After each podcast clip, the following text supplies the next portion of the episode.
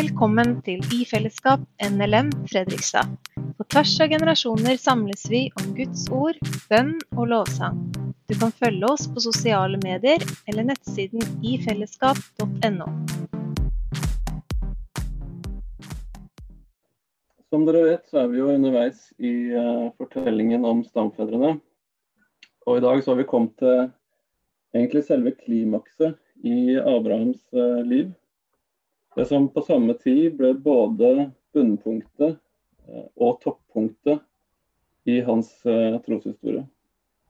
Vi har kommet til kapittel 21 og 22 i første Mosebok. Eh, og Der får vi først høre at sønnen som Gud hadde lova Abraham og Sara 25 år tidligere, han kommer endelig. Endelig kommer bekreftelsen på at Abrahams Gud faktisk er til å stole på. Han holder det han hadde lova. Sønnen kom. Men så, i kapittel 22, så tar historien en helt sånn bisarr og nesten grotesk vending. Den sønnen som Abraham har venta så lenge på, og som var selve oppfyllelsen av løftet, han får Abraham nå beskjed om å ofre som et brenneoffer til Gud. Og hva i alle dager er det egentlig som skjer her? Og som eh, Kristin allerede har vært innpå, på, så er dette en vanskelig tekst. Det er en vanskelig fortelling. Og jeg skal innrømme at jeg har grua meg litt til å forberede denne talen her. Ikke minst etter at jeg sjøl ble far. For hvordan kan vi egentlig komme til rette med en gud som ber noen om å ofre sønnen sin? Hvordan kan jeg som forkynner, som far, formidle denne historien på en måte som både tar den på alvor og samtidig blir oppbyggelig. Det er noen av de spørsmålene som jeg har måttet eh, kjempe med de siste dagene. Og For å foregripe litt det som jeg skal komme til senere, så har jeg innsett at det vanskelig, det er noen ganger bra. Jeg tror vi har godt av det. Vi lever i et samfunn som på mange måter fremelsker lettvinte løsninger som eh, fremelsker enkle svar. Og vi er, enten vi liker det eller ikke, forbrukere. Og Det betyr at hvis det er noe som vi ikke har helt sansen for, eller noe som vi ikke forstår helt, så går vi egentlig bare videre. Vi bytter det ut med noe annet. Noe nyere. Noe finere. Og hele tiden med mål om at det skal gi oss mest mulig, og koste minst mulig. Og da snakker jeg ikke bare om materielle ting. Jeg tror vi har godt av å kjempe med bibeltekstene. Og denne teksten som vi skal snakke om i dag, som Reidun leste, den inviterer oss til nettopp det. Første Mosebok, kapittel 22, er vanskelig å forholde seg til. Og etter hvert som jeg jobba med den, så innså jeg at det er nettopp det som er poenget. Det er meninga at det skal være krevende. Det er meninga at den skal få oss til å lure, kanskje til og med tvile. Det er meninga at den skal få oss til å kjempe. Med oss sjøl og med Gud. Men så innså jeg også at hvis du er villig til å ta den kampen, og stå i den, sånn som Abraham sjøl gjorde, så tror jeg at du på samme måte som han vil oppdage at det ligger en skatt der. Og den skatten, den overgår alt. Det betyr ikke at fortellingen slutter å være vanskelig, eller at den slutter å utfordre oss. Men det betyr at det som er med på å gjøre den vanskelig, også er med på å gjøre den rik og vakker. Men før vi går nærmere inn på det, så skal vi ta en liten sånn oppsummering av hvor vi er i fortellingen. Og litt om hva som har skjedd fram til kapittel 22, som vi er i i dag. Vi begynte, som dere kanskje husker, vår fortelling om Abraham med kapittel 11 og 12, der Gud møter Abraham for første gang. Kaller han til å forlate hjemlandet sitt, slekta si, farshuset sitt. Med andre ord så ber Gud egentlig Abraham om å gi slipp på hele fortida si, hele tryggheten sin, og legge livet sitt i Guds hender. Og så får han løfte om at Gud vil velsigne han, og velsigne andre gjennom han. Og ikke minst så får han et løfte om at Gud vil gjøre han til et stort folk med mange etterkommere. Og På forrige søndagsmøte for en måneds tid siden så snakket Frode Granerud om hvordan Gud gjentok disse eh, løftene til Abraham. Og For å gi Abraham et synlig bevis på at han faktisk kom til å holde det han har lova, så inngikk Gud en pakt med Abraham. På den måten så kunne Abraham være sikker på at det som Gud har lova, det kom til å skje. For Gud har inngått en pakt. Men hele grunnlaget for løftet, eh, alle løftene egentlig, det lå jo i en etterkommer, en sønn. Uten denne sønnen så kunne egentlig ingen av disse tingene gå i oppfyllelse. Og så går det 25 år uten at det skjer noen ting. Abraham blir 100 år gammel. Sara blir 90 år gammel. Så skjer det utrolige. Og Gud venter så lenge at det til slutt ikke er noe som helst tvil om at det må et mirakel til. Og så skjer det. Sara blir gravid. Isak blir født. Endelig kom han. Sønnen som de hadde venta et helt liv på. Og i kapittel 21 så kan vi lese om at Saras latter, som tidligere, tidligere hadde vært en sånn hånlig, kanskje bitter latter, eh, da Gud hadde gitt henne en, ja, etter hennes mening latterlig beskjed om at hun kom til å bli gravid. Den latteren den er nå blitt en gledelig og forunderlig latter. Og jeg tror Gud noen ganger gjør ting i livet vårt som bare får oss til å smile og le i forunderlig glede. Det fikk i hvert fall Sara erfare. Men idyllen eh, skal ikke vare. Historien om stamfedrene den er altfor menneskelig til det. Og historien gjentar seg faktisk. På samme måte som slavekvinnen Hagar så ned på Sara, så Ishmael, sønnen hennes, ned på Isak. Og det står at han lo av ham. Det er vanskelig å vite akkurat hva som lå i det, men det som i hvert fall er tydelig, er at Sara reagerer veldig kraftig. Og hun ender opp med å sende Hagar og Ishmael av gårde for andre gang. Og Gud lar det skje. Og denne gangen så var det for godt. Abraham tok dette svært tungt, står det, for det gjaldt sønnen hans. Står kapittel 21 vers 11. Abraham var glad i både Ishmael og Hagar. Så kapittel 22 kommer altså på et punkt i Abrahams historie der han fortsatt er i sorg over tapet av sønnen Ishmael. Så sitter han kun igjen med Isak, sønnen som han har venta så lenge på. Og inn i den situasjonen så kommer altså denne uforståelige og brutale beskjeden fra Gud om å ta din sønn, den eneste, Isak, han du elsker, og ofre han som et brennoffer. Som lesere av denne historien så har vi privilegiet av å lese den første setningen i vers 1. Da skal vi tolke det som skjer etterpå, i lys av det. Eh, og Der er jo poenget at eh, det som skjer, egentlig er en prøve. Så selv om vi hadde lest dette for første gang, så hadde vi visst at det, det som skjer nå etterpå, det er en prøve. Vi vet altså at eh, fra begynnelsen så er ikke Guds egentlige plan at Isak skal bli ofra. Vi vet at hele greia er en test. Og Når jeg nå skal prøve å formidle budskapet, eller det vi sitter igjen med fra den teksten, så kjenner jeg at det er fristende å på en måte nøye meg litt med den løsningen. Og på en måte frikjenne Gud gjennom å understreke at han aldri mente at Abraham skulle ofre Isak. Og det er helt sant. Og bare så det er sagt med en gang, sånn at ingen går og lurer på det, eller venter på det. Gud kommer aldri til å be deg eller meg om å ofre våre barn. Sånn som Abraham fikk beskjed om. Jeg bare sier det nå med en gang og på en måte slår det fast, Så at det ikke skal bli en sånn snublestein som gjør at du ikke får med deg resten av det jeg sier. Så jeg slår det fast nå, så skal jeg begrunne det etterpå. Men poenget er altså vi vet at dette her er en prøve.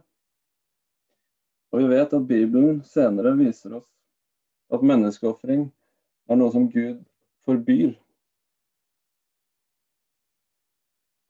Men problemet er at det vet jo ikke Abraham. Han vet ikke at det er en prøve. Det eneste han vet, det er at Gud har bedt han om å gå og ofre sin egen sønn. Og Derfor så tenker jeg at de vanskeligste spørsmålene i denne teksten de dukker opp først når vi tar Abrahams perspektiv. Hva tenkte Abraham? Og hvorfor valgte Gud å gi Abraham inntrykk av at han måtte ofre sin egen sønn? Kunne han ikke valgt noe litt mindre brutalt? Litt mindre dramatisk? Det er de vanskeligste spørsmåla, syns jeg, i møte med denne fortellingen. Men jeg tror at det er nettopp de det er meningen at vi skal stille. Kjempe med. Og når vi leser, så er det veldig påfallende at vi ikke får vite noe som helst om Abrahams følelser i det kapittelet. I kapittelet før, kapittel 21, så leser vi at uh, når Ishmael blir sendt bort, så er Abraham i bunn og grunn følelsesmessig knust. Mens nå er det emosjonelt helt stille. Vi får bare vite hva som skjer trinn for trinn. Og Kanskje tenker forfatteren at det er helt unødvendig å rapportere hva en far føler når han får en sånn beskjed. Må gå igjennom med det. Men kanskje det er enda mer sannsynlig at han unngår å si noe om det nettopp for å tvinge oss sjøl, tvinge oss som leser, til å sette oss inn i den situasjonen. Til å sette oss sjøl inn i Abrahams sted. Forfatteren tvinger oss til å bli en del av fortellingen til å kjenne på den samme fortvilelsen, forvirringen, sorgen, det skjøre håpet som Abraham sitter med. Han vil at vi skal kjenne på hvordan det føles å måtte ofre sin eneste elskede sønn. Men hvorfor velger Abraham da å være lydig? Har han blitt hjernevaska? Eller er han egentlig en kald Eh, radikalisert eh, barnemorder. Hvis vi tenker på den reaksjonen som jeg akkurat nevnte når Ishmael ble sendt vekk, så tenker jeg at vi kan utelukke det siste alternativet. Grunnen til at dette her er en stor prøve for Abraham, er jo nettopp fordi han elsker Isak. Fordi han som en god far ønsker han alt det beste. Så er da konklusjonen at Abraham har blitt jernvaska. Nei. I hvert fall ikke på den måten som vi tenker. Men det som har skjedd, det er at Abraham har lært Gud å kjenne. Dette her er ikke det første møtet mellom Gud og Abraham. Hvis det hadde vært det, så tror jeg ikke han eh, ville bestått en sånn prøve. Men fra vi møtte Abraham for første gang i kapittel 11, til han nå står her overfor sitt overfor sitt livs største prøve, så har det skjedd noe med han. Han har erfart Guds godhet. Han har erfart Guds trofasthet. Han har blitt kjent med Gud, med Guds karakter. Og han har kommet til et punkt der tilliten til Gud faktisk tåler en sånn prøve. Prøven den består jo egentlig av kampen mellom kjærligheten til Isak på den ene sida og lydigheten til Gud på den andre. Og selv om Abraham slites i stykker av denne kampen, så har han samtidig en tillit til at Gud kan sørge for at begge deler blir opprettholdt. Han har tillit til at han kan være lydig mot det Gud sier, og samtidig få Isak tilbake. Og Derfor så sier han til tjenesteguttene at de begge kommer tilbake. Og Derfor så sier han til Isak at Gud vil se seg ut et brennofferlam. Sjøl så kunne han ikke se løsningen med egne øyne. Men Abraham gikk i tillit til at Gud ville sørge for ham. Og i hebreerbrevet så ser vi at denne tilliten den var så stor at det innebar faktisk troen på de dødes oppstandelse. I Hebreerne kapittel 11, vers 17-19, så leser vi I tro bar Abraham fram Isak som offer da han ble satt på prøve. Sin eneste sønn var han villig til å ofre, enda han hadde fått løftene. Og dette var blitt sagt til ham. Gjennom Isak skal du få en ett som skal kalles din. Han regnet med at Gud har makt også til å vekke opp døde. Derfor fikk han sønnen tilbake. I dette ligger et forbilde. Her får vi vite at Abrahams tro den var så stor at dersom Isak skulle ende opp med å miste livet, så visste han at Gud hadde makt til å gi det tilbake. Selv ikke døden er utenfor Abrahams Guds rekkevidde. Den som tror på Han, kan ha tillit til at Han vil sørge for oss. Om ikke før, så gjennom oppstandelsen fra de døde. Vi kan lære mye av Abrahams prøve og hans lydighet til denne fortellingen. For det første så lærer den oss at som kristne så vil vi oppleve prøvelser. I høst så gikk vi gjennom første Peters brev, og der også så tar Peter for gitt at vi som kristne vil oppleve mange slags prøvelser. Og hensikten er å rense troen vår, skriver Peter. Sånn at vi sitter igjen med mindre slagg og mer gull, for å bruke hans uttrykk. Mindre av våre menneskeskapte håp, vår menneskeskapte trygghet. Mer av Gud. Og Abrahams prøve er et godt eksempel på det. Da Gud møtte ham første gangen, så besto kallet i å forlate fortida si. Familien, hjemlandet, sikkerhetsnettet sitt. Nå består kallet i å forlate framtida si. Det han hadde basert alle håpa sine på. Sønnen som skulle være oppfyllelsen av løftet. Og spørsmålet var er Abraham klar for å gi slipp på ikke bare fortida si, men også det han anså som framtida. For å kun sitte igjen med Gud sjøl. Og jeg tror at på et generelt nivå så får prøvelsene av Abraham, det som han opplever her, det får frem noe som alle vi kristne kan kjenne oss litt igjen i. Nemlig at vi møter på noe som strider mot det som vi trodde om Gud. Og samtidig som tvinger oss til å gi slipp på det vi er glad i. F.eks. når livet ikke går helt som vi hadde tenkt eller håpt. Når sykdom treffer oss. Eller når vi mister muligheter, jobbmuligheter, når relasjoner skjærer seg. Da begynner vi å spørre oss sjøl om Gud virkelig kan være den han sier at han er, når han lar dette her skje.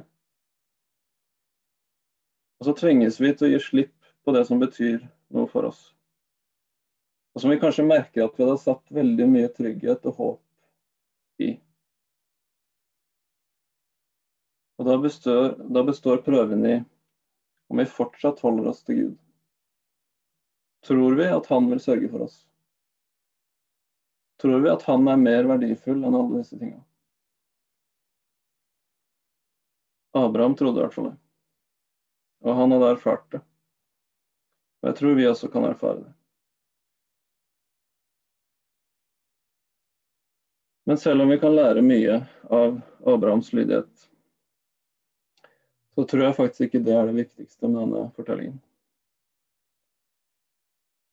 Denne fortellingen tror jeg handler om noe mye, mye større enn Abrahams lydighet. Og hebreerbrevet, som vi leste fra i stad, det gir oss egentlig nøkkelen. Det siste som vi leste fra det avsnittet, var i dette ligger et forbilde. Med andre ord i det som skjedde med Abraham og Isak. Og med det så mener han ikke at det er Abraham som nødvendigvis er forbildet. Og Derfor så trenger vi ikke tenke på om Gud kommer til å spørre om det samme fra oss. Fordi Poenget med denne fortellingen det er ikke å lære oss om blind lydighet, eller hvor mye vi skal ofre for Gud. Poenget med denne fortellingen er å peke oss i retning av noe større. Fortellingen om Abraham som blir bedt om å ofre Isak, det er et forbilde på noe som skulle skje nesten 2000 år senere. Og uten den nøkkelen så klarer vi egentlig ikke å forstå eller åpne opp denne teksten. Uten at vi leser denne fortellingen i lys av hele Bibelens fortelling, så blir det nettopp det en en brutal og uforståelig historie om en kynisk gud. Men hvis vi leser den sånn som den skal leses, som hebreerbrevet hjelper oss til, så ender det opp med å bli en helt unik beskrivelse av Guds kjærlighet. Isolert sett så blir det en historie om en gud som ber oss om å ofre barna våre. Men i lys av hele Bibelen så blir det et, eksempel på hvorfor Gud nettopp ikke krever offer i det hele tatt. Og det er fordi han har gjort det for oss. Fordi faren i denne fortellingen egentlig er Gud sjøl. Og sønnen er Jesus. Fordi Moria-landet, som Abraham fikk beskjed om å ta med seg Isak til, det er Jerusalem. Og tempelet som Salomo senere bygde, det bygde han oppå Moria-fjellet. På den måten så ble det som skjedde med Isak, det ble bokstavelig talt fundamentet på mange hundre år med dyreofringer i tempelet. Han skulle sone folkets synder. Og Etter hvert så vokste det fram i jødedommen en tanke om at eh, alle disse ofringene i tempelet de ble akseptert, altså de var gyldige nettopp pga. det Isak gjorde. Pga. hans opprinnelige lydighet. Men vi vet at det er ikke pga. Isaks lydighet. Det er pga. Jesu lydighet. For nesten 2000 år seinere, etter at Isak hadde båret veden på ryggen opp Moriafjellet, så var det en annen som bar tverrbjelken til sitt eget kors. Opp et fjell der i Morialandet. Ser du han? Og i motsetning til Isak så ble ikke han spart. Han var den værbukken som ble ofra i stedet for Isak. Han er offerlammet som ble ofra i stedet for meg og deg.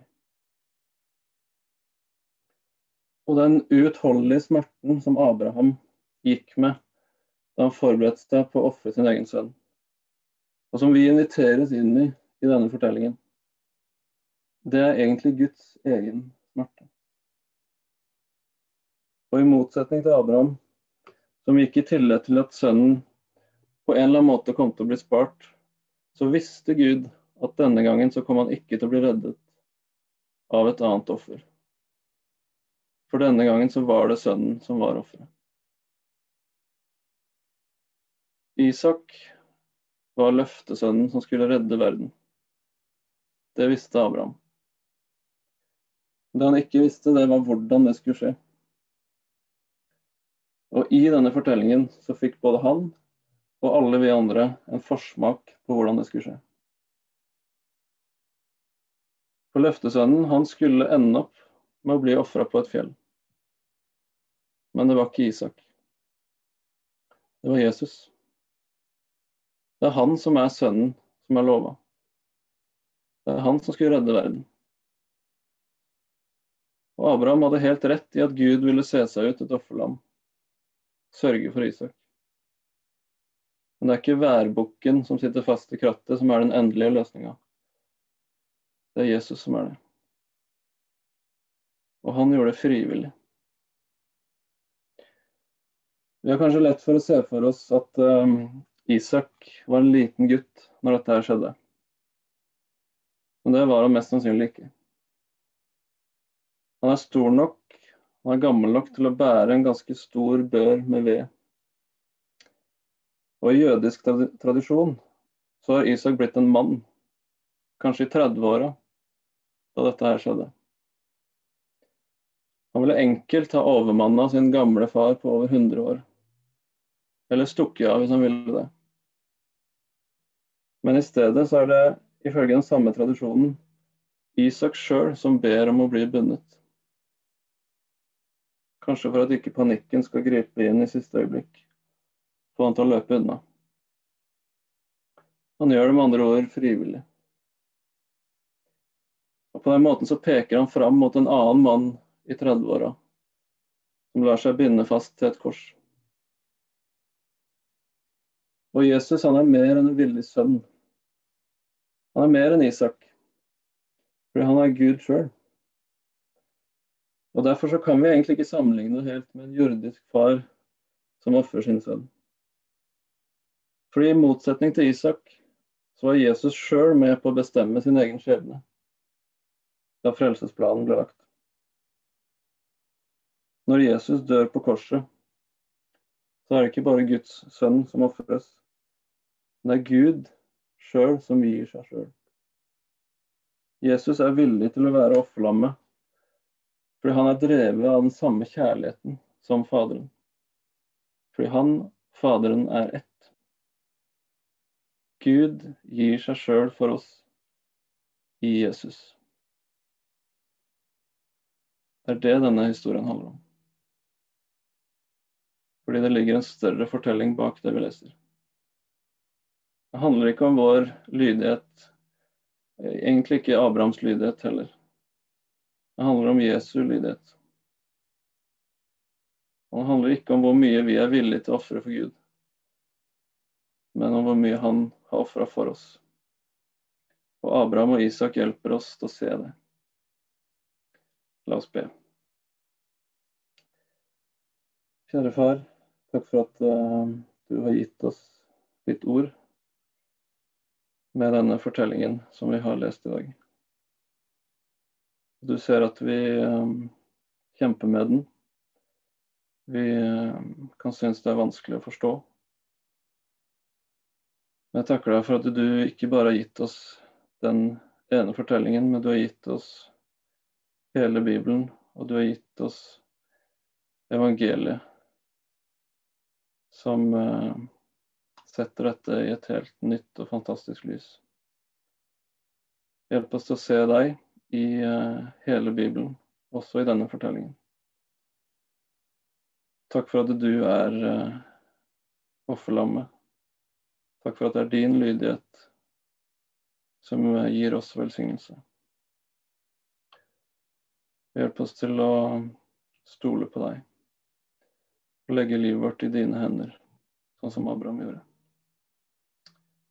I Jesu navn. Amen.